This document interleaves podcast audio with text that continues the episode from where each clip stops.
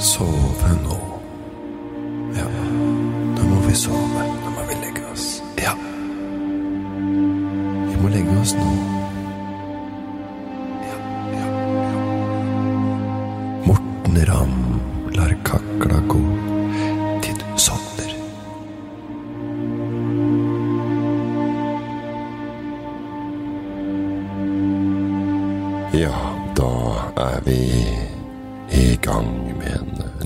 Episode av eh, Morten Ramm lar eh, kakla gå til du sovner. Og jeg håper du ligger eh, godt til rette i senga di, for nå skal vi rett og slett sove. Sove er noe av det viktigste vi gjør. Det er ikke det viktigste vi gjør, men det er det viktigste vi har og trenger og har behov for for å gjøre viktige ting dagen etter. Og det er jo mange metoder å eh, sovne på. Det er eh, mange tips der ute, eh, og det er eh, vanskelig å si hva som er det beste for deg. Eh, Det beste tipset jeg har, er å bare ligge og høre på min prat, eh, som kommer til å bli eh, veldig, veldig kjedelig. Eh, Har du hatt søvnproblemer før, så kommer du garantert til å ja, få en oppvåkning nå. Oppvekning. Oppvåkning. Og en oppvåkning når du skal sovne, det er litt rart. Men når det er såpass kjedelig prat som, som jeg kommer til å bidra med her i kveld, så tenker jeg at du eh, skjønner hva jeg mener når det har gått en 10-12 minutter. Eh, kanskje du allerede begynner å bli søvnig nå. Eh, men eh, daglige rutiner er jo også viktig. At man eh, kommer opp til et vits, visst tidspunkt, står opp på en, eh, på en eh, på en tid på døgnet som man eh, kan komme inn i, i rutiner og ikke sove altfor lenge. Og selvfølgelig ja, vet vi at kaffe og alkohol og, og mat med mye energi kan gjøre at man kommer litt i At kroppen begynner å jobbe, og at man har problemer med å, å sovne. Og får kanskje en dårligere søvn. Eh, trening også kan kanskje legges tidlig på kvelden, men med denne podkasten her så tror jeg ikke du har noe innvirkning på søvnen din, eh, samme om du har eh, sett på mobilen i en time før du begynner å høre på dette, for dette her kommer til å bli dørgende kjedelig, eh, og du kommer til å sove, så vi bare lukker øynene våre, og så hører vi på stemmen min, som skal prate litt om relativt søvndyssende samtaler som jeg har vært eh, borti eh, i det, i det siste, blant annet. Eh, Faren min var på besøk her for noen dager siden, og han Som sagt, i noen episodene tidligere så har han vært på regelmessige turer til eh, Kroatia, eh, sommerferier. Og der har han fortalt om eh, Vera og Mario som driver dette stedet, eh, hvor de da er stamgjester, eh, hvor det har vært hvert år siden 2002 eller 2003, tror jeg. Eh, så de har liksom vært der og besøkt eh, Vera og Mario, som er veldig, veldig serviceinnstilt, og jeg har fortalt om at de har fått gin and tonics der nede, de har fått fylte paprikaer, de har eh, fått uh, håndklær som ligger klart når de kommer. Ja, det er en service som ikke ligner grisen, for å si det på den uh, måten. En annen ting som uh, kan få deg i søvn nå, det er hvordan faren min fortalte om hvordan rutiner, hvordan, hvilke, hvilket system de hadde i garasjen der. Eh, eller et uthus eller en bod, da. eh, Hvor det står kjøleskap til eh, alle gjestene som velger å benytte seg av Vera og Marios eh, overnattingssted og deres tilhørende fasiliteter. Så, så det er eh, og det er et kjøleskap der som eh, de kan ta egentlig eh, hva de vil i løpet av perioden de er der. De kan ta vann, jus, alkoholholdig drikke, øl. De kan ta egentlig hva de vil fra kjøleskapet, og så er det et noteringssystem. Det er et noteringssystem på siden der hvor de kan notere da hva de tar, og de kan De skriver det bare opp på en liste. Så kan Vera Amaro ta inn da og, og regne ut hva prisen blir totalt på deres opphold, deres ferie. Og da, da, noteres det da liksom gang man henter, henter, en ting, så kommer det Så skriver man ned da ja, én vann, to vann, jeg, i dag tok jeg en Jeg vet ikke om det er en minibar, om det er sjokolade der, eller potetgull, eller hva det gjør for noe, men det er i hvert fall en slags selvbetjening, og det, det, det går på tillit. Det går på tillit at man, at man noterer og er ærlig der og ikke bare noterer, ja, noterer Eller dropper å notere fravær av notat på minibar. Men Vera Mario og pappa har blitt såpass gode venner, og de kjenner hverandre så godt, så her er det ingen som lurer noen.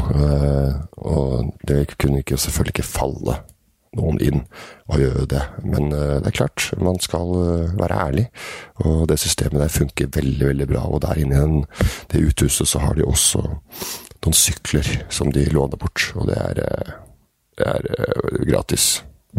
Gratis utlån av sykler. Så da sykler de bort, og da sier som, som Mario sier Pass på deg veldig glatt på asfalten, så når det sykler nedover her, så kan det bli veldig glatt fordi asfalten blir varm. Og da blir asfalten eh, veldig glatt, så du kan gli hvis du bremser eh, Bremser eh, bare med den ene bremsen, så vær forsiktig. Bruk begge bremsene, som, som han sier. Mario sa at bruk begge bremsene, sånn at du ikke sklir. For det én holder ikke, og hvis du trykker inn en for mye, så vil du gli. Så det gjelder å holde en en jevn fart nedover de bakkene, for de kan være, de kan være ganske bratte. Og når det blir varme i asfalten, eh, som dere og Mario sa, altså, da kan det bli veldig, veldig glatt. Så de er, eh, de er på tilbudssida hele tida, og en eh, kveld her så tok de oss med til en restaurant. En restaurant som de som, de, som ikke blir avertert noe sted. Det er en restaurant som, som du må bare vite at det er der. Malograble. Der har de alt mulig, og det går liksom i lammekjøtt. Så det er en stor grill der, og er, du kan si at det er eh, Det som er med Mal og Grable, det er at det, eh, det blir Det er ikke noe, det er ikke noe averter, det er ikke avertert noe sted, og det ligger litt oppi fjellet. Altså det er ikke noe strøm, ikke noe vann, ikke noe solcellepanel og, og, og brønn. Eh, det er, en, det er en brønn, og alt går på solsprønn, og så er det en brønn der. Uh, veldig spesielt. Altså. Det, er, det, har vært en skole, en kirke, det har vært et lite samfunn der oppe. Eh, og det er et uh, Tudor som driver den restauranten. Og Tudor, det er vel det var noe, noe som stammer fra at det var, litt, at det var, noen, at det var kongelig blod.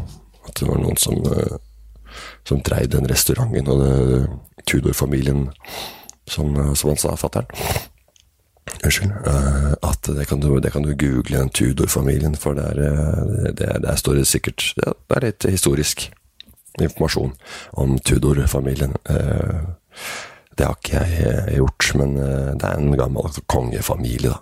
Og der har de egen hjemmelaga vin, og det er, det er, nesten ubeskrivelig også den, den reisen opp der til fjella der, for den ligger litt oppi fjella, og rett oppi der. Så det, nei, må, jeg skal sende deg noen bilder, eh, og så kan du se hvordan det er. For det, jeg, jeg, klarer ikke å beskrive det med ord, egentlig.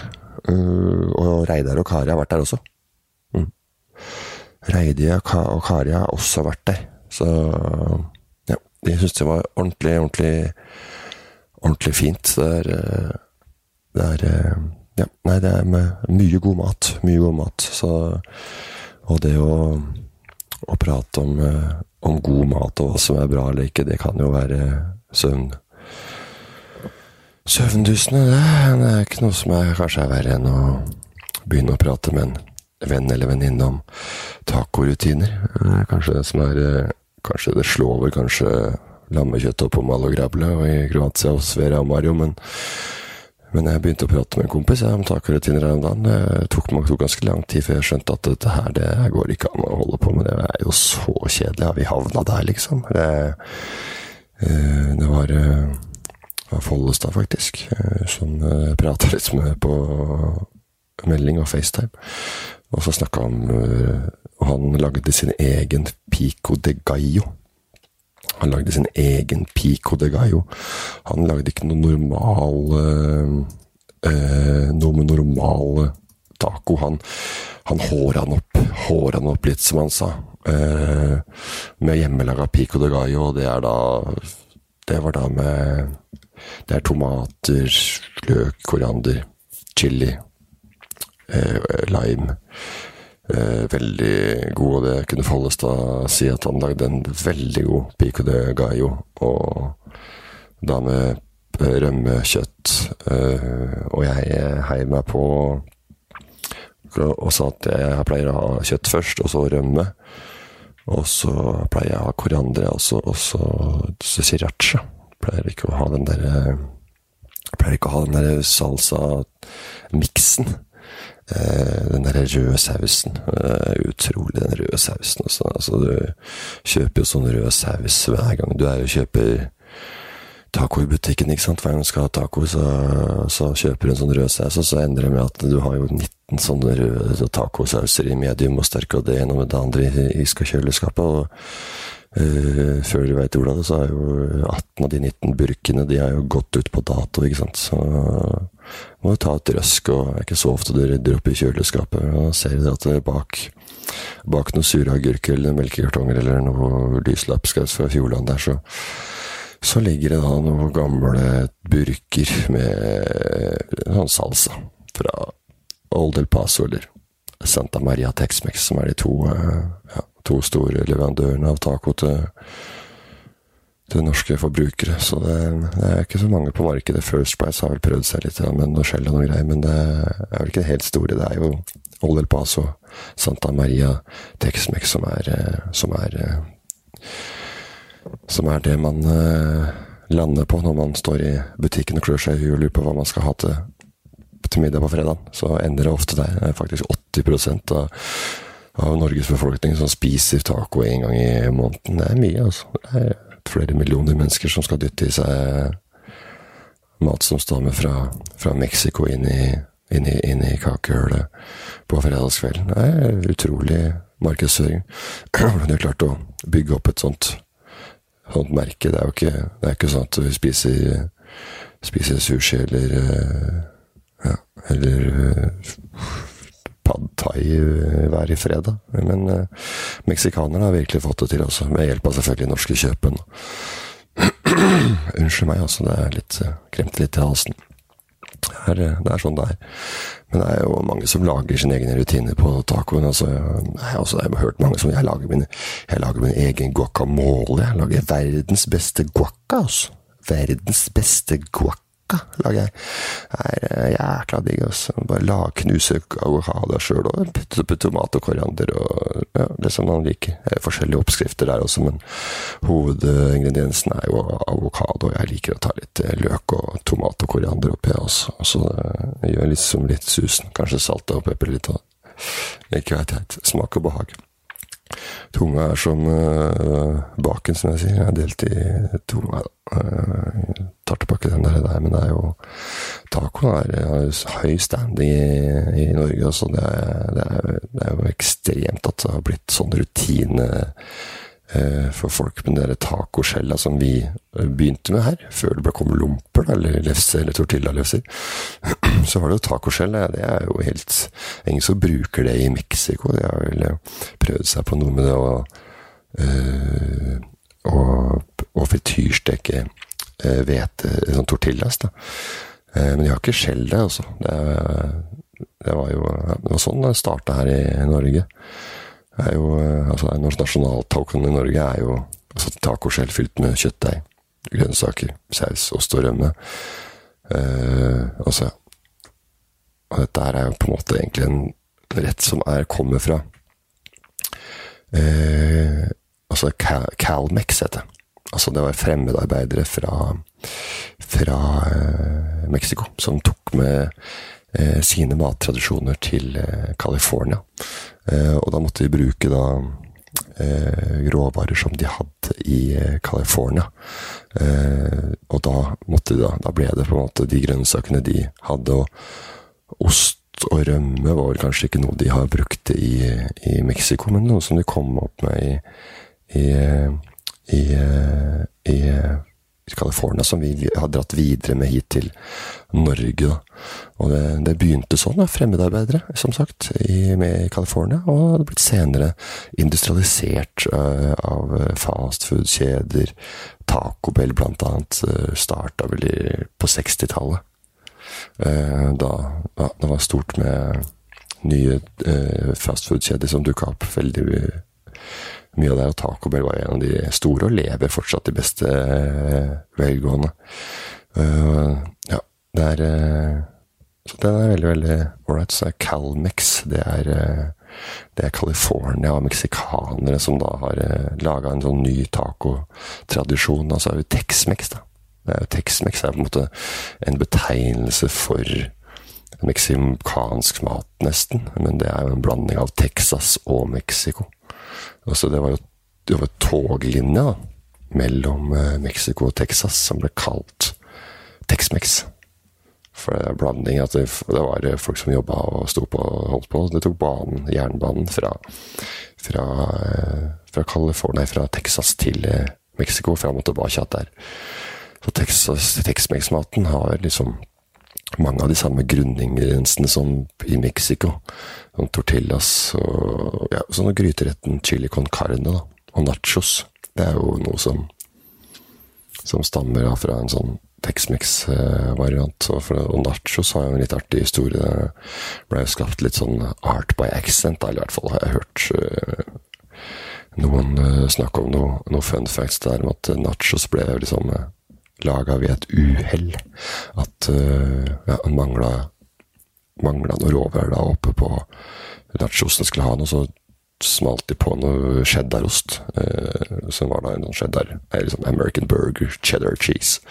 Og så ble det da nachos med smelta cheddarost, som er, er, noe som de serverer veldig ofte på på stadioner i eh, USA blant annet er det veldig stort å få nachos med, altså med cheddarost, smelta cheddarost, som de serverer på NHL og NFL og NBA og, overalt hvor to store idrettslige tilstelninger blir eh, Eller blir, forekommer. Eh, så det er jo artig at, at, å tenke litt på det, hvordan opphavet til det vi sitter og spiser hver fredag. Vi sitter og gomler i oss, men, men vi aner jo liksom ikke helt hvor det kommer fra. Og når det kom til Norge, og jeg og Erik Solbakken blant annet, vi lagde en serie som het Torsdagsfilmen, som handlet litt om den tacoen kom til Norge i 1965. Altså, det er jo ikke så lenge etter at Taco Bell starta i, i, i i California, så kom det da til Norge. Så var det sikkert det som gjorde at Eh, Norge ville ha det, at de så Taco Bay hadde gått bra i tre år, og nå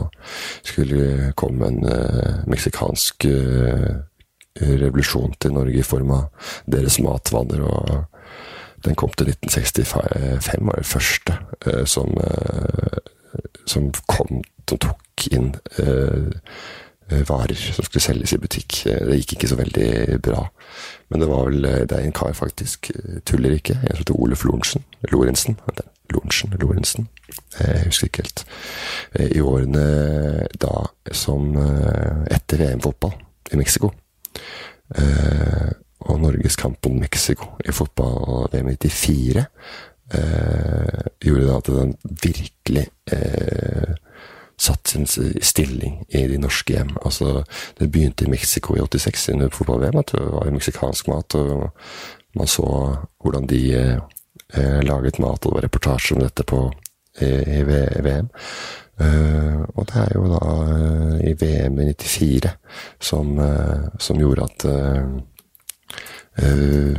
tacoen virkelig begynte å selge, for det, ble, det kom jo reklamer også på, på TV, og det kom Ja, det var ja, stort inntog, og det var jo kampen Norge-Brasil som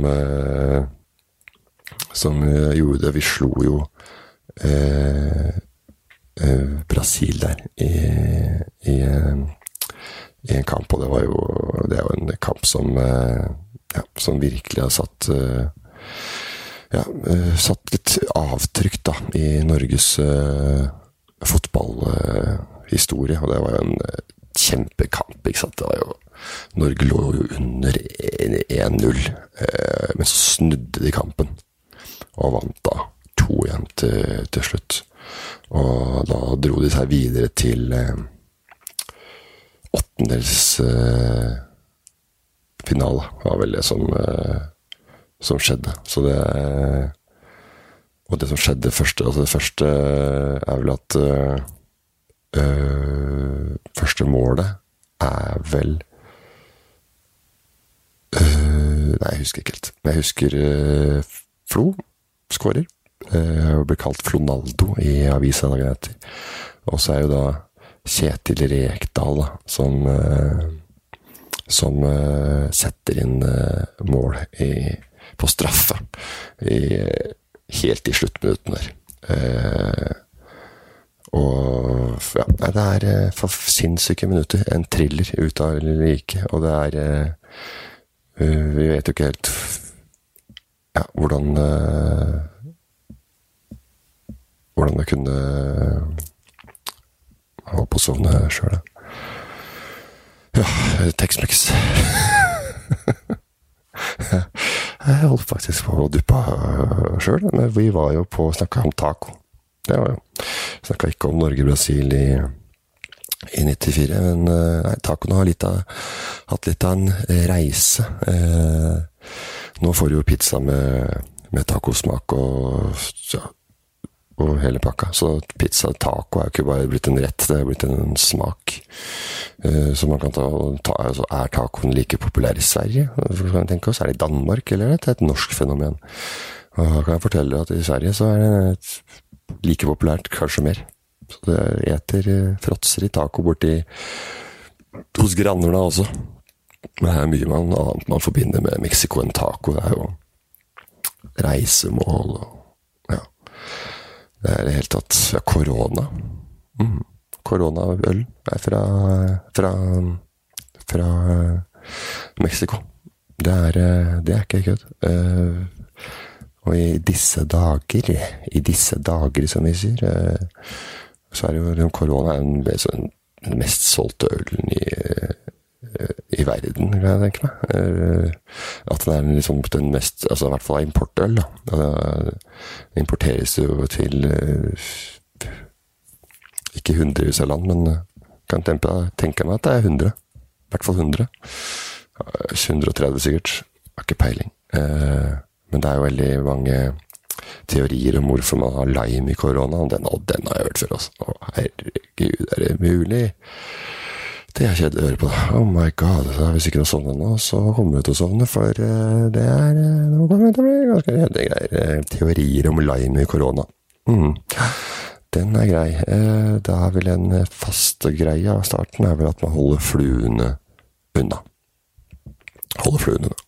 Det er, det er greit. De tar ikke, I Mexico så tar de ikke har de ikke lime i koronaen for at det skal være smak eller forfriskende. Det er for å holde insektene og fluene unna tuten på korken. Nei, det er ikke det. Sånn. Det er ikke fluene. Det er mange som tror at det er fluene som er uh, greia, men det er rust i korken. Tuten.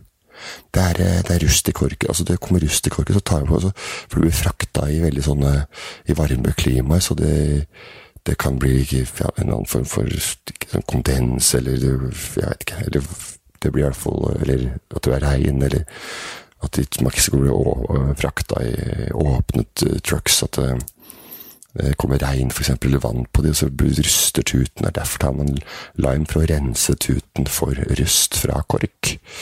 Uh, nei, det er jo ikke det, da. Det er jo ikke det. Det er jo det er for å ta, ta, drepe aromaen på ølen. Eh, for den har en eh, sånn litt sånn rar aroma, den koronaen. Eh, så ja, den er Så den skal få bort en sånn ja, litt sånn ekkel lukt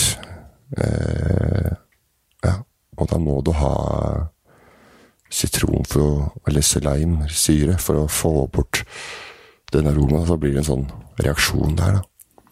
Nei, nei, nei, det er ikke feil, det, da. Det er ikke, det er ikke holde fluene unna, ikke ruste korken, det er ikke for å få bort uh, vonde Ta bort aromaen uh, som har lukta fra ølen. Det er bare noe som er rein markedsføring, altså. Altså, det er kun markedsføring, og de har gjort et ekstremt de har hatt et, ekstremt bra team. Altså, det er jo, det, det er jo sånn som blir tatt opp som en av de beste markedsføringene i verden. ikke sant?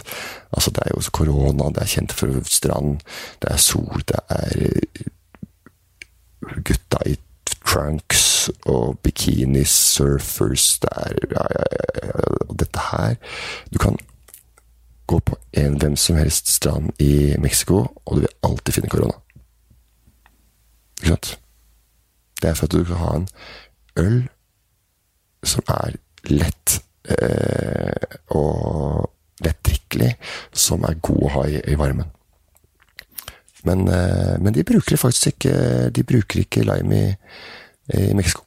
Det er, en, eh, det er bare en kampanje som eh, til andre, til andre land, så Så basically så er lime i i korona, det er bare en, det er bare en markedsføring for å få den der friske slime-greia.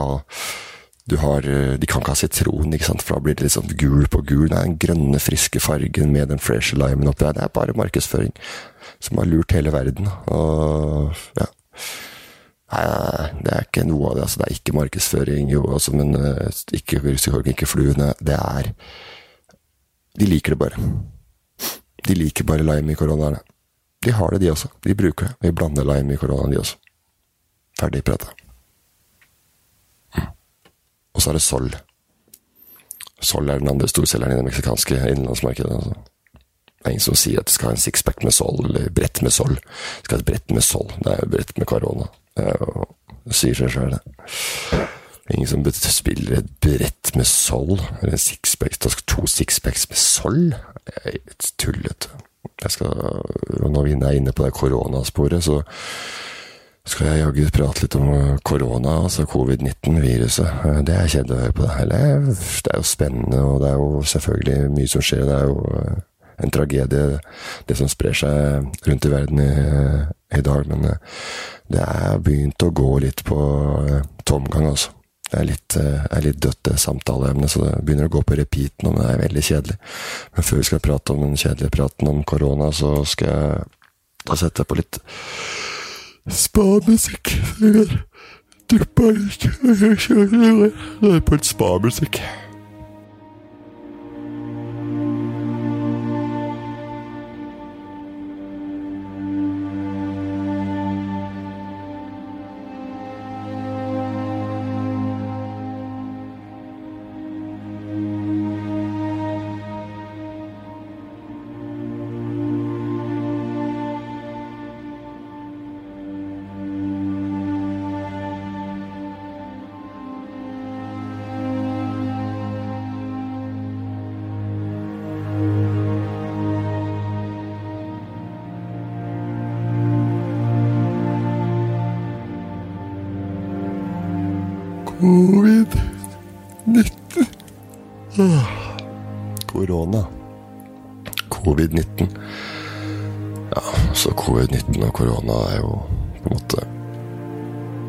Samme.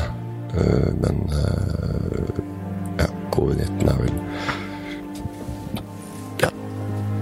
Er uh, Ja, det er jo på en måte viruset, da. Så har det blitt kalt korona som en mer sånn samlebetegnelse over den det viruset som sprer seg. Eh, det er jo et, ja, som sagt et, Ikke som sagt nå, men som sagt tidligere i en annen podkast her, at både, det er jo et det er jo et, det er en virus som en influensa. Eh, de er ganske like, de symptomene. Og ja, så det er vanskelig, vanskelig å finne ut om det liksom, er det er influensa, eller er det er, er det allergi, er det hasl, eller er det bjørk eller gress, eller hva er det det går for? Og Det er vanskelig å skille, for du får jo du får hodepine, og du kan få hoste og snu og klø i halsen og ja, bli trøtt og sliten og sengeliggende av, av begge deler. Eh, men den koronaen der, eh, det kan vi jo prate om i ukevis, og det har allerede blitt eh, gjort. Men nå, nå begynner å, å, å gå litt på repeat. Eh, det er vel ganske kjedelig å høre på. Det er hvis folk prater om at de, er, de er ikke smitta sjøl, men de kjenner noen som er smitta. Altså. Jeg har en på jobben som kjenner en på jobben.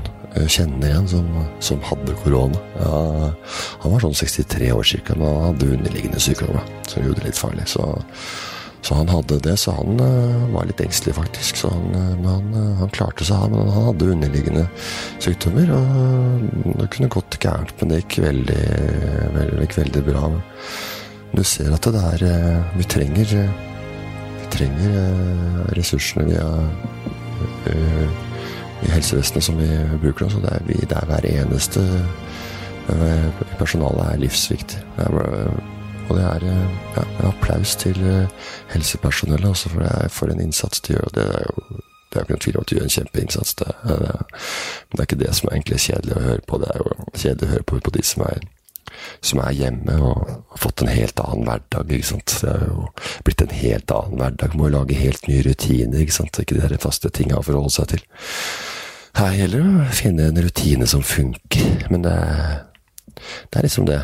Det å ikke skulle gjøre noe på samme måte som før, det er jo en hel omveltning i, i hverdagen. Det er jo ekstremt eh, altså et mikro eh, mikroklimatisk eller mikroklimatisk eh, hverdagslogistikk som skal eh, som skal finnes opp på nytt. Eh, alt fra når du står vi opp når gjør man lekser? Når man, kan man gå ut på en tur?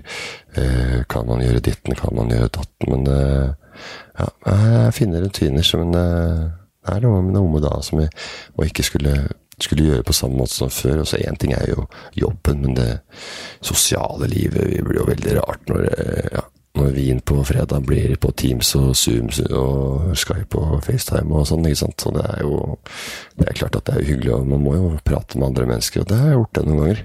Det er veldig trivelig, egentlig. Det er litt rart i starten, klart det, å prate med folk på, på nettet. Men eh, jeg er overrasket over hvor fort man kommer inn i en ny tralt, altså. Med hjemmeskole og hjemmekontor og alt det korona har dratt med seg av omveltning i samfunnet. Men når man ikke får gjort annet, så er det bare å forholde seg til det, og vente på nye retningslinjer fra FHI og Erna Solberg og hele regjeringa. Jeg syns Høie har opptrådt veldig bra i denne perioden. Også. Han har vært veldig fin type. Han kommer veldig godt ut av en periode. Jeg har ikke vært noe Jeg har ikke vært på å helle mot Høyre og, og politikken til Erna Solberg, men når jeg ser hvordan Høie trer frem her, og hvordan han løser dialogen med, med folk der ute, og, og oss som er berørt. og hvilke hensyn han tar, og hvilken formidlingsevne han har til å uh, ja, få sagt uh, informasjon, få utlevert informasjon på en meget pedagogisk måte, så ser vi at vi har med en ordentlig fyr å gjøre her med Høie også.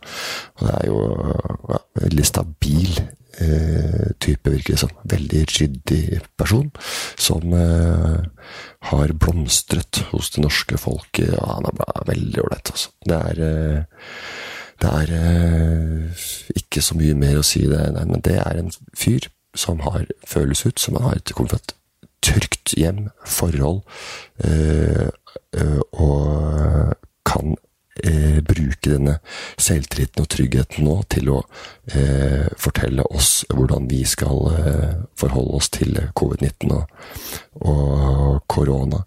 Og det er jo ja, nei, det er en sånn ordentlig friskus, og det kan jo kanskje ha noe med med fyren han, eller typen hans å gjøre.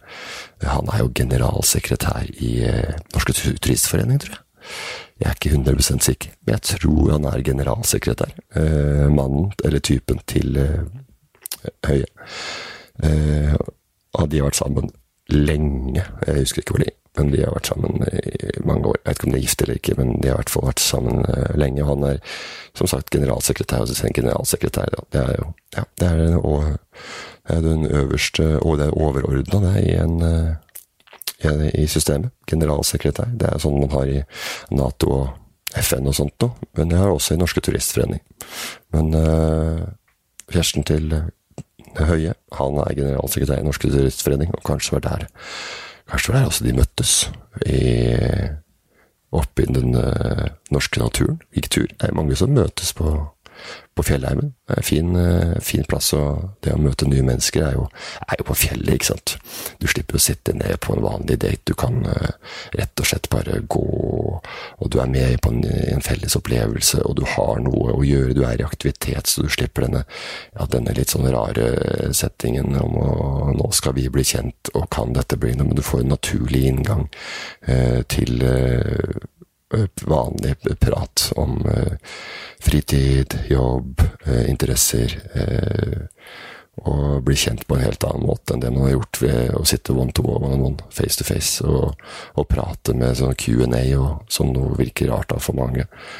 Eh, så du får en Ja, man gror på hverandre på en helt annen måte, og da regner jeg med at uh, Tøye og, og Dag At det skjedde på den måten. Det liker jeg å tro. At de var på fjellet, ble kjent eh, fant tonen eh, og etablerte et meget stødig forhold eh, over tid. Jeg ser ikke for meg Høie som en fyr som bare hopper i noe, et forhold uten å Uten å ha gått noen runder med seg sjøl at dette her er den riktige. Og da blei det, da ble det Dag. Jeg har ikke sett han fyren. Uh, uh, fyren der. Men uh, jeg ser for meg en, eh, en ganske kjekk fyr. Det ser jeg for meg. Uh, en, litt skjegg. Ikke så mye. Litt skjegg. Og ja. Ja, nei, det, det er ikke Ja. Ja, vi var jo så den derre koronatida. Den, ja, som sagt, vanskelig i starten eh, vanskelig i starten. Eh, mye nytt som skal gjøres. Eh, omstilling. Men eh, man venjer seg. Man venjer seg. Og du får jo en helt annen kontakt med familien også, ikke sant. Man har liksom tid til hverandre. Altså, du får en helt annen kontakt. Altså, det er jo deilig å også, å ha den lille fritida, men ikke si det for høyt. Du kan ikke si det at det er deilig, men det har vært fine dager. Det har vært fine dager, men det Hysj! Det er hysj-hysj. Det er hysj-hysj. Man kan ikke si at det er deilig å være hjemme pga. korona, for det, ikke, det kan du ikke si. Ja, det har vært deilig, men ikke si det for høyt, da. Det kan du ikke si for høyt. Men det kan jo bli litt mye også. Det er mange som syns det er tungt med unga oppå hverandre hele dagen. Kan jo fly på veggene. Må ut og lufte seg litt da, innimellom. Få litt frisk luft for hverandre. For det er jo det koker jo over. Nei, nei det bobler i gryta. Men husk du må røre, må røre i gryta noen ganger, så det ikke koker over. Du må røre litt i gryta. Men det blir jo sittende inne mye. Koronakroppen kommer sigende. Jeg veide jo Vekta ser litt annerledes ut eh, nå enn 12. Eh, mars der. 12.-13. mars, når det hele Når alt starta. Uh, og det var jo vanskelig i starten. Det var det. Det, det var jo Flest var jo på hytta, og folk visste jo ikke helt uh, hva de skulle gjøre. Men uh, ja, nei, det, er, ja, det, har jo åpna seg litt opp nå. Høie og FHI har kommet med nye retningslinjer. Det kan være fem og fem personer inne samtidig, og det er, det er en, en fin start. Man må man må åpne opp litt, og slett, det er jo bare å bruke huet. Altså, ja, én ting er jo retningslinjene og sånt noe, eh, og de retningslinjene er jo for de som faktisk ikke klarer å tenke sjøl, ikke sant. Så de må jo, det må jo bankes inn, de må inn med teskje. Eh, så Høie må jo stå der og si gang på gang 'ikke gjør det, ikke gjør det, ikke gjør det', og så er det noen som sier 'hvorfor får vi ikke lov til det'? Jo, det går kanskje an, men hvis man sier at det er lov, så er det de, de som er tjukkest i huet, som ikke klarer å følge de og tenker sjøl, ikke sant. Og da, da, da, glir det ut, og så starter vi fra scratch, og så blusser viruset opp og muterer som et ville helvete, og så er vi på status quo. Og vi starter på nytt. Og det er ikke noen som er verken tjent eller eller er hypp på. Men der, vi har hatt noen gjester hjemme, ja. Mm, jeg har hørt den. hørt den. Vi har hatt noen gjester hjemme i det siste. Ja, ja. Det syns jeg er greit. Det må være greit å ha noen gjester hjemme. Altså fem pers med god avstand. da. God avstand. Og de har medbrakt eget øl. Og så har jeg noe, å servere igjen, noe potetgull og noe chips og noe greier. Men da heller vi det bare over i sånne servietter. og så tar de bare servietten og tar til seg. Så Ellers har vi hatt en sånn klype som kan ta, og så ta og ha en egen bolle. Så det er en sånn fin måte å gjøre det på hvis man skal være, være fem personer, og med god avstand, selvfølgelig. Så, så det er veldig, veldig påpasselig eh, med å at de har egne stoler, eh, egne skåler med potetgull, og at uh, vi er i, tråd med det som Eh, politikken sier per dags eh, dato om det å forholde seg til eh, koronavirus og spredning. Men det er jo Jeg må være ærlig, altså. Jeg rota litt med drinken utover kvelden der. Jeg gjorde det. Men det er sånn, ikke sant. Det var jeg glemmer, glemmer, glemmer. Det var men det var hyggelig, da. ikke sant? Det var litt bytta glass og sånn, og så veit jeg Så det var bare sånn det skjedde. Eh, så nå i ettertid jeg tenker jeg at jeg kunne jo bare droppa alt og bare gitt faen og gitt hverandre en klem fra starten for det blei jo mye fram og tilbake med de glassene der, og de drinkene. For de var jo tomme for medbrakt drikke klokka åtte, så det er jo litt tidlig å dra hjem, så jeg knakk en flaske og blanda noen gode drinker og fikk vel skvisa litt lime oppi glassa uten å verken vaske hendene eller ta antibac etter noen jenter der, så vi, vi passa på i starten, og så én meter i butikken og sånn, så vi også holder avstand generelt, men det glir gjerne litt uten alkohol er involvert. Jeg gjør jo det. Jeg er veldig flink ellers.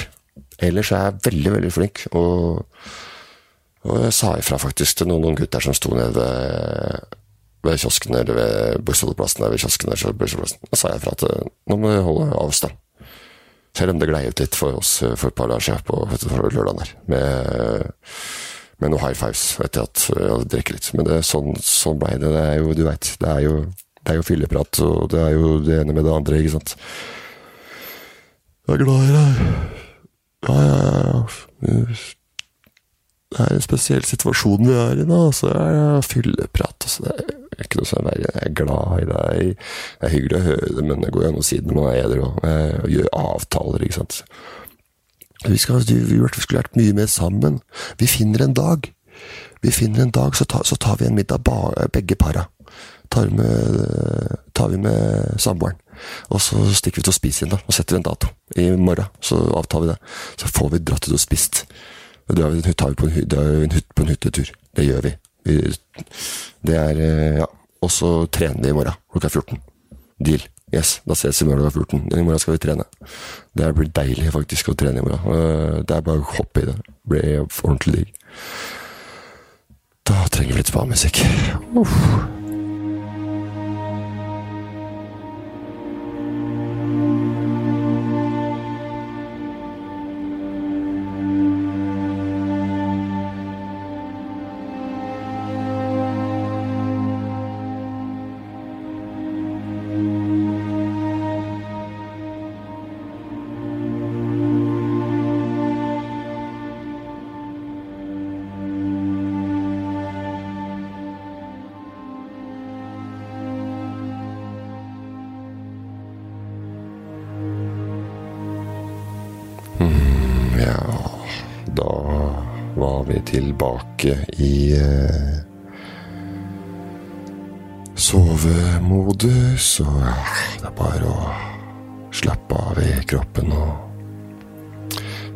Litt på kjevene. Tips jeg aldri har hørt før, men som jeg har funnet på sjøl.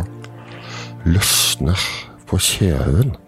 La kjeven liksom henge litt. Løsne opp på den, og så være helt slapp i kjeven. Veldig bra måte å, å sovne på. Så bare puste ut rolig. Mm. Ah, og mens spa-musikken går, så kan du høre litt om eh, folk som har fått ny jobb. Folk som har fått ny jobb, det er jo noe man må høre på. Noe er jo mer interessant enn andre. Noen jobber er jo mer interessante enn andre. Jeg syns f.eks. Eh, det jeg driver med til vanlig, som er da underholdning og humor, få ufortjent mye oppmerksomhet i sosiale lag. Jeg er jo mer opptatt av at andre egentlig skal fortelle om hva de driver med, enn hva jeg holder på med hele tida. Men Ofte så kommer det spørsmål om hva driver du med om dagen?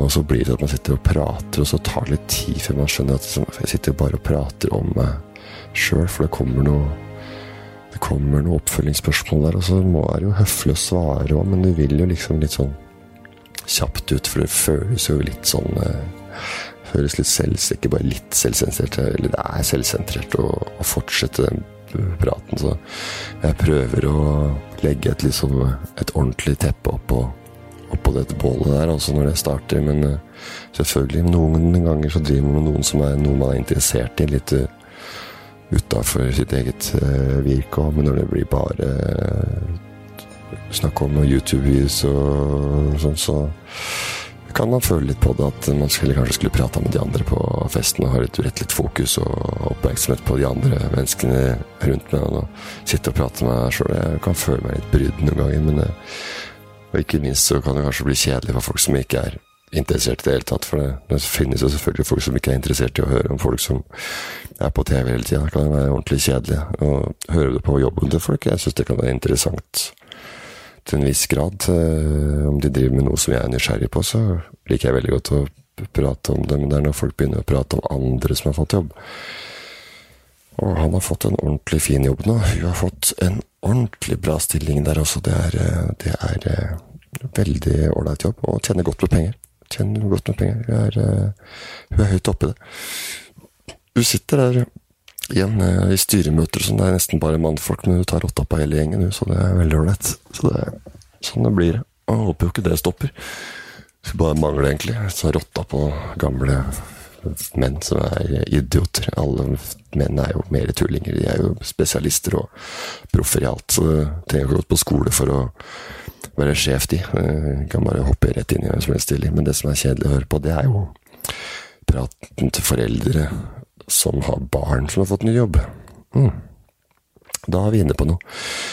Da er vi inne på noe som snorke, snorke, snorke, snork. Det er eh, Nei, det er eh, Nei, du er eh, jeg er ferdig med en master i, i, i business analytics, faktisk. Jeg har blitt siviløkonom. Eh, en mastergrad. Eh, og den, i jobben hennes der lærer jeg liksom hvordan eh, rett, altså kvantitative analyser kan brukes som et verktøy. Det brukes som et verktøy for å øke verdiskapning i et firma. Så de analyserer da for å uppe virksomheten. Og så nå har han fått ny jobb, så det, det blir spennende. Og vi har jobba der noen måneder allerede, men eh, du vet, det, det, tar tid å sette seg inn i en sånn eh, omfattende eh, stilling. Ja, så er det alltid noen som skal, skal ta over, da, ikke sant, og, og, og, og ta, snakke om deres egne barn. fordi når noen har tatt opp praten med egne barn, så skal de vite at her er en annen som har fått jobb òg, så vår mellomste det er morsomt at hun har fått jobb hun med business eh, analytics. Der, men vår mellomste hun har eh, fått ny jobb, hun også, faktisk. På, på Balloon. På Balloon Company. Det er veldig ålreit der. hun var i opplæring der hele forrige uka, og nå har hun fått 70% engasjement. så hun var ikke helt fornøyd med hun gamle sjefa på Lindex, for der jobba hun som ringehjelp med to faste helger i måneden. Det, det var fint, det, altså, men hun sjefen der var rett og slett ikke noe grei. Det var en episode der hun hadde blitt sjuk, og, og sjuk det blir hun jo hele tida. Og hun hadde prøvd, prøvd, å få tak i andre som kunne steppe inn i hele fredagen. Og så var det en som kunne, og det er bra. Hun hadde ordna det sjøl. Men det var ikke godt nok for hun sjefa. Hun var, eh, men hun var jo hun var sjuk, hun hadde ordna ny, men det var ikke eh, godt nok for sjefa. Det skulle vært tatt hånd om på en helt annen uh, måte for det. At hun kom for sent, ti minutter for seint enn hun andre, og da fyra hun seg opp. Og, nei, det, men det har vært mye der før også. Hun har alltid gått og hakka på hele veien for hver minste ting. Hun hadde, hun hadde møtt ei venninne på senteret som jobba på Urban og glemt tida til lunsjen, og da trua med å trekke i lønn. At hun hadde kommet for seint inn, og at hvis det skjer, så må, igjen, så må vi trekke det hele lønn, sa Og det det er ikke greit, altså. At du kommer for seint en gang sånn. Da må vi trekke i lønn. Og så Hun venninna som jobba på Urban, hadde ikke sånn med sjefene sine, så hun var spesielt vond å ha med å gjøre. Hun her, altså, hun hang på som en klegg, hun, altså. Var ingen god opplevelse for, for vår med hun på, på Lindex. Det, var, det er noe som det, Og det sitter i, altså. Det er sånn, det er sånn hun, hun drar opp en gang iblant og prater om hun som hun ikke hadde noe god tone. Det var ikke noe, noe god fot der, altså. Ingen kjemi i det hele tatt med hun på Lindex. Og det, det drar av Stavanger som et skrekkeksempel at sånn vil vi ikke ha det på andre arbeidsplassen. Ja, jeg kommer tilbake til de andre, sparring, dette blir konkurranse. Samme hva de jobber med. Ja, det er utfordrende, ganger, men eh, dette med businessanalyser som vår eh, holder på med, er jo veldig interessant, da. Eh, dette med datamengder gir, gir nye muligheter og utfordringer for, for virksomheter, og det blir jo stadig viktigere å kunne bruke de store data, ikke sant. Big data. Altså det, det, det, det, er jo en støtte, det, for å ta gode beslutninger. Så kan du faget ditt der, som altså Det er jo en, det er jo en altså du, altså Business Analytics altså Det er jo svært etterspurt i arbeidsmarkedet nå om dagen, og det er mange utfordringer å, å, å jobbe med. altså. Uh, vår mellomste i Balloon Company har fått mange utfordringer. Også.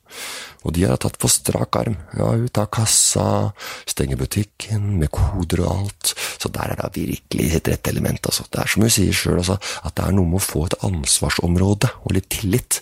Og hun blei månedens ansatt i oktober, uh, tror jeg ja, om Måned, oktober, vel. Og det er, noe, det, er, det er, noe, med å få den der lille klappen på skulderen. altså At jeg har en månedens ansatt som de gir hver måned, og da får du en flaske vin og en rabattkode på utvalgte varer fra Balloon i hele Norge. Og ikke bare den butikken du jobber i, så det er hele Norge. Så det var litt moro. Det er, eh, det er hyggelig å, å, få den, at det blir satt litt pris på og blir sett. Og det er en flinkete der. Det har du sagt ved flere anledninger, at det gir dem ansvarsområder, og de er flinke med tilbakemelding når du gjør noe som er bra. Og det er viktig, altså. Ja, ja, ja det, er, det, virker som det er bra på jobben her, men miljøet er jo, altså, miljøet er jo, det er jo essensielt på en arbeidsplass. De har et veldig fint miljø på jobben der eh, vår jobber, da. De er jo et analyseteam som jobber på jobber tett med andre avdelinger, så de har jo allerede blitt en gjeng på tvers av avdelingene der. Og det må jo være liksom givende å ha et bra samhold og finne tonen med kollegaer. På Balloon er det visstnok veldig bra miljø her på Balloon, ja. ja. Det er et veldig fint miljø. altså. De var på Sonspa, blant annet. Alle sammen. Hele gjengen var med. Og de er vel en fem ansatte, tror jeg. Eh, eller var det seks? Jeg har tre faste, veit jeg, og to på skift, og dattera vår er på 70. Så da blir det seks, da. Og de har blitt en veldig sammensveisa gruppe, Som med mye sosialt, og de ber hverandre på vorspiel, og de drar på turer sammen på byen, de griller, de gjør mye sammen. Og sjefen der har fått en ordentlig, eh, ordentlig god tone med, med vår mellomste også. Ja, ordentlig godt bånd. Hun har ikke alltid hatt det lett, hun også, med mann som ikke ville ha noe mer med å gjøre. Eller var hun som ikke ville ha noe med å ha å gjøre. For så fant ut at han lå med fra jobben, så ikke greit. Ikke helt greit der i gården, men eh, da ba hun inn mye, veit jeg. Vi spiste ost og drakk vin, og, så det er mye sosialt på Balloon også. Det er, ja, det er det. Og det er nettopp det hun var ute etter. At det var folk som var hyggelig. Hyggelig miljø. Det er, eh, det er eh, alfa og omega. Trives på jobben. Og hun trives godt nå. Og de lager morsomme ting, og de skøyer, og de, har pranks på hverandre, og vitser, og mye vitsing. Masse vitser. Og det er vel kanskje ikke noe som er kjedeligere enn å høre på vitser som eh, skal fortelles. Eh, noen ganger så er du redd for at den ikke skal eh, forstå vitsen, så du ler før den er ferdig, for du hører ikke ordentlig godt etter. Så, for de er jo så ofte så dårlige ganger at du veit ikke om poenget er kommet, eller om det kommer seinere. Uh, så det er heller vanskelig med sånne vitser, også, og spesielt når fordi den som forteller, ikke husker vitsen helt. Altså, det var en tryllekunstner Fortell deg en vits. Begynner der, altså. Jeg skal fortelle deg en vits. Så må du si ja eller nei. Jeg går for nei, jeg, altså. Jeg sier nei, jeg, jeg tåler ikke og klarer ikke å høre på det. Men de fleste Jeg har ikke gjort noen undersøkelser på det, men jeg tror 90% sier ja. 95% sier ja når de hører 'Skal jeg fortelle en vits?' Ja. ja. Eller de sier kanskje ikke ja, men de sier ja. Mm. ja, mm. Nikker. Ja, hvorfor ikke? Ja, kjør på. Og så husker jeg ikke vitsen helt, da. En tryllekunstner jobber om bord på et cruiseskip. Så han jobba i, i Hvor han jobba da? I, i Middelhavet. Mm, ja. I Middelhavet. Så later som det er en uh, ordentlig historie. Det er også det verste, å late som vitsen har skjedd på ordentlig. Det er jo krise, ikke sant. Så sånn, ja, jeg var på et cruiseskip en gang. Det var en tryllekunstner som jobba om bord i, uh, i Karibien. og det var, sånn, altså, var så morsomt med en som jeg kjente. Han, det kom jo nye folk inn der, ikke sant, hele tida. og det var Så han gjorde trikset om og om igjen. Samme trikset. Så var det bare ett problem. Det var ett problem, og det var at eh, kapteinen hadde en eh, en papegøye som var grønn og rød eller blå, eller Eller var en Eller var ikke en papegøye, eller at det var bare en annen fugl som hadde lært seg å prate. Men altså, det er ikke så farlig, egentlig. Det er, uh, det er ikke noe med historien å gjøre. Uh, han fortalte om at papegøyen hadde vel da lært seg ting som han sa. Så var det. Altså han hadde lært seg hva Han hadde lært seg det som Trygghuseren sa. Eh, så altså, og da begynte han å rope i showa. Så han avslørte showa. Så, eller én avstikk i forkant, men avslørte etterpå. Se, altså, det, er ikke, det er ikke den samme uh, hatten. Altså, se på kortet. Uh, han, har et, han flere kort i jakkelomma, i blazeren. Og han kameraten min, som var uh, tørrkunstner, han blei forbanna. Kunne ikke gjøre noe med det. Uh, for det var jo da Jo, det var det. Det var kapteinens papegøye, så han kunne jo ikke ta den bort. For, og da, og da jo, ja, Han kunne ikke ta kapteinens papegøye, for da hadde han fått sparken, for da hadde kapteinen blitt forbanna.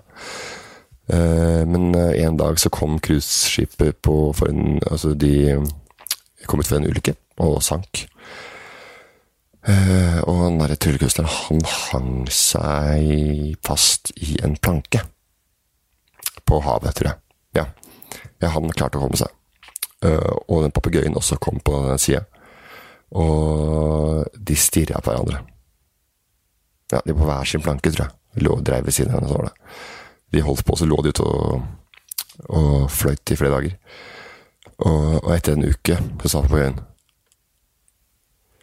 uh, Greit. Jeg gir meg. Hva, hva gjorde du med båten? Ja, Ja, hva gjorde du med båten? Papegøyen lurte. Hva hadde han gjort med båten? Så da må du le, da. Veldig bra. Trilla han bort, eller? Jeg trodde at litt ja. Så han ga seg Men Grovis det er kanskje noe som er eh, enda verre. Det er jo forferdelig å høre på grovis. Du er så fanga vet du, når noen med grovis. Så, unnskyld uttrykket, det jævligste du kan lire av deg. Altså, en grovis. Altså, det Jeg eh, Der, der gidder jeg ikke late som engang. Altså, når kommer, noen folk kommer med groviser, da er det bare Da er det helt esel. Da er jeg på bakbeina med en gang. Altså, da, det gidder jeg faktisk ikke høre på. Det er eh, og ja, og jeg har hørt en grovis en gang som jeg skal fortelle. Du får kanskje ikke lyst til å sove, men å skyte deg sjæl. Som blir en slags søvn. Men du rekker ikke jobben i morgen. Ja, det er vits. Ikke veldig bra, men bedre enn den forrige. Eh, grovis. To, to mannlige studenter eh, Det er ikke jeg som må drive med dette. Altså. Det er bare å ha meg frabedt. Eh, jeg vil ikke ha på meg. Eh, jeg vil ha meg frabedt å bli fortalt sånne vitser, og jeg vil ikke ha på meg at det er jeg som forteller sånne vitser. Men det var to mannlige studenter som uh, uh, kikker på en sædprøve i et mikroskop. Uh, kvinnelig studiekamerat spør da hva er det dere ser på, og så en av gutta kan ikke dy seg og svarer en spyttprøve. hun blir interessert, og skal til å sette øyet inn i mikroskopet da en professor kommer forbi og spør. Eh, hva er det du har i mikroskopet? Det er en spyttprøve, svarer eh, svarer prof, svarer, eller professoren kikker i mikroskopet og ser opp eh, på og sier du skulle nok ha børsta tenna litt grundig i dag tidlig. Ja. Fytti faen, er det mulig? Ja, da er det bare å lukke øynene, folkens, og sove. Og slappe av. Ta tida til hjelp. Stay safe, stay foam. Stay safe, stay home, stay strong. Eh, veldig, tre forskjellige, veldig forskjellige motivasjonshashtagger. Stay home. Stay safe. Stay strong. Ja. ja. Kanskje det skal benyttes samtidig, så gir vel mening på en eller annen måte, men alle skjønner jo at man skal ta litt med ro i denne tida. Så slapp av, vær hjemme, dra på jobb de som må, åpne opp forsiktig. Bruk huet, bruk tiden til å sove med, og jeg anbefaler også for de som eh, sovner til podkasten, om å bruke den på dagtid også noen ganger. Har du muligheten til å sove, så sov. Det sa onkelen min en gang, som jobbet i Phoenix i mange år. Så han jobba både i Phoenix og med norske kunder her i, i Norge. Og da måtte han sove litt på, på dagen for å være med da Norge åpnet litt seinere på kvelden. ikke sant, Og skulle være med og gjøre en jobb der, så det er viktig å duppe av når det om morgenen. Og få være rett og slett uh, ja, uthvilt, for vi skal leve lenge. Og uh, kapteinens papegøye, på den vitsen som jeg prøvde å fortelle i stad, den, den blei nesten 100 år. De, de eldste papegøyene blir 100 år. Så hvis du kjøper en papegøye, altså en av de mest lengstlevende, så er mest sannsynlig at du har en papegøye som overlever deg. Så du har en papegøye i huset som må begrave deg den dagen du tar farvel. Sayonara. Takk for nå. Så det er eh, Det er, eh, det er morsomt. Jeg vet ikke, det er veldig mange forskjellige arter. Dur, papegøyer. Dur. Kakadur. det er artig å si duer. Det er jo faktisk en eh, Kakaduer er jo en er jo en papegøye. Så jeg skjønner jo ikke helt hvorfor uh, hvorfor den heter kakadue. Kanskje den er ikke duefamilien, eller duefamilien er en uh, er en avart av er en avart av kakaduen. Ja.